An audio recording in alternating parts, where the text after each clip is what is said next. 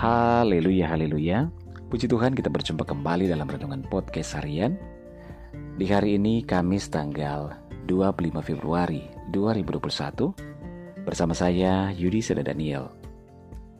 Renungan kita pada saat ini berjudul Ubahlah Sikap Kanak-Kanak. Bacaan firman Tuhan dalam 1 Korintus 13 ayat 11 firman Tuhan berkata, Ketika aku kanak-kanak, Aku berkata-kata seperti kanak-kanak. Aku merasa seperti kanak-kanak. Aku berpikir seperti kanak-kanak.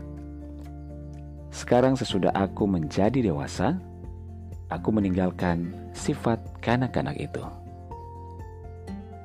Saudara permasalahan yang datang silih berganti dalam kehidupan manusia itu adalah untuk meningkatkan kedewasaan manusia dan tidaklah perlu menjadi beban. Memang kadang masalah yang datang cukup menguras waktu, tenaga, pikiran, dan setiap kekuatan kita. Namun berpikirlah positif. Carilah solusi terbaik di dalam terang Roh Kudus. Jika kita tidak mampu menyukai sesuatu, ubahlah jika kamu atau kita tak dapat mengubahnya, maka ubahlah cara pandang kita.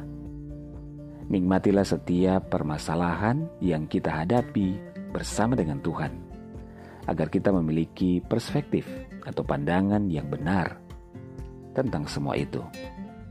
Lakukan yang terbaik selama kita mampu, dan yang tak mampu, serahkanlah kepada Tuhan. Belajarlah dari firman Tuhan di atas.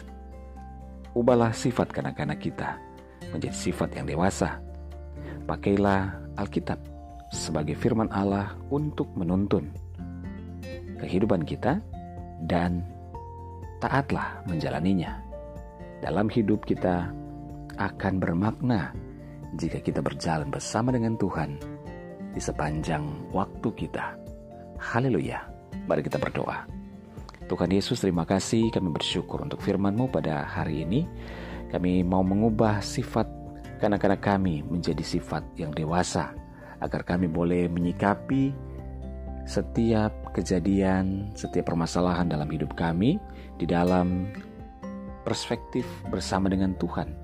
Terima kasih Tuhan kami percaya Tuhan Engkau baik dan sangat mengasihi kehidupan kami.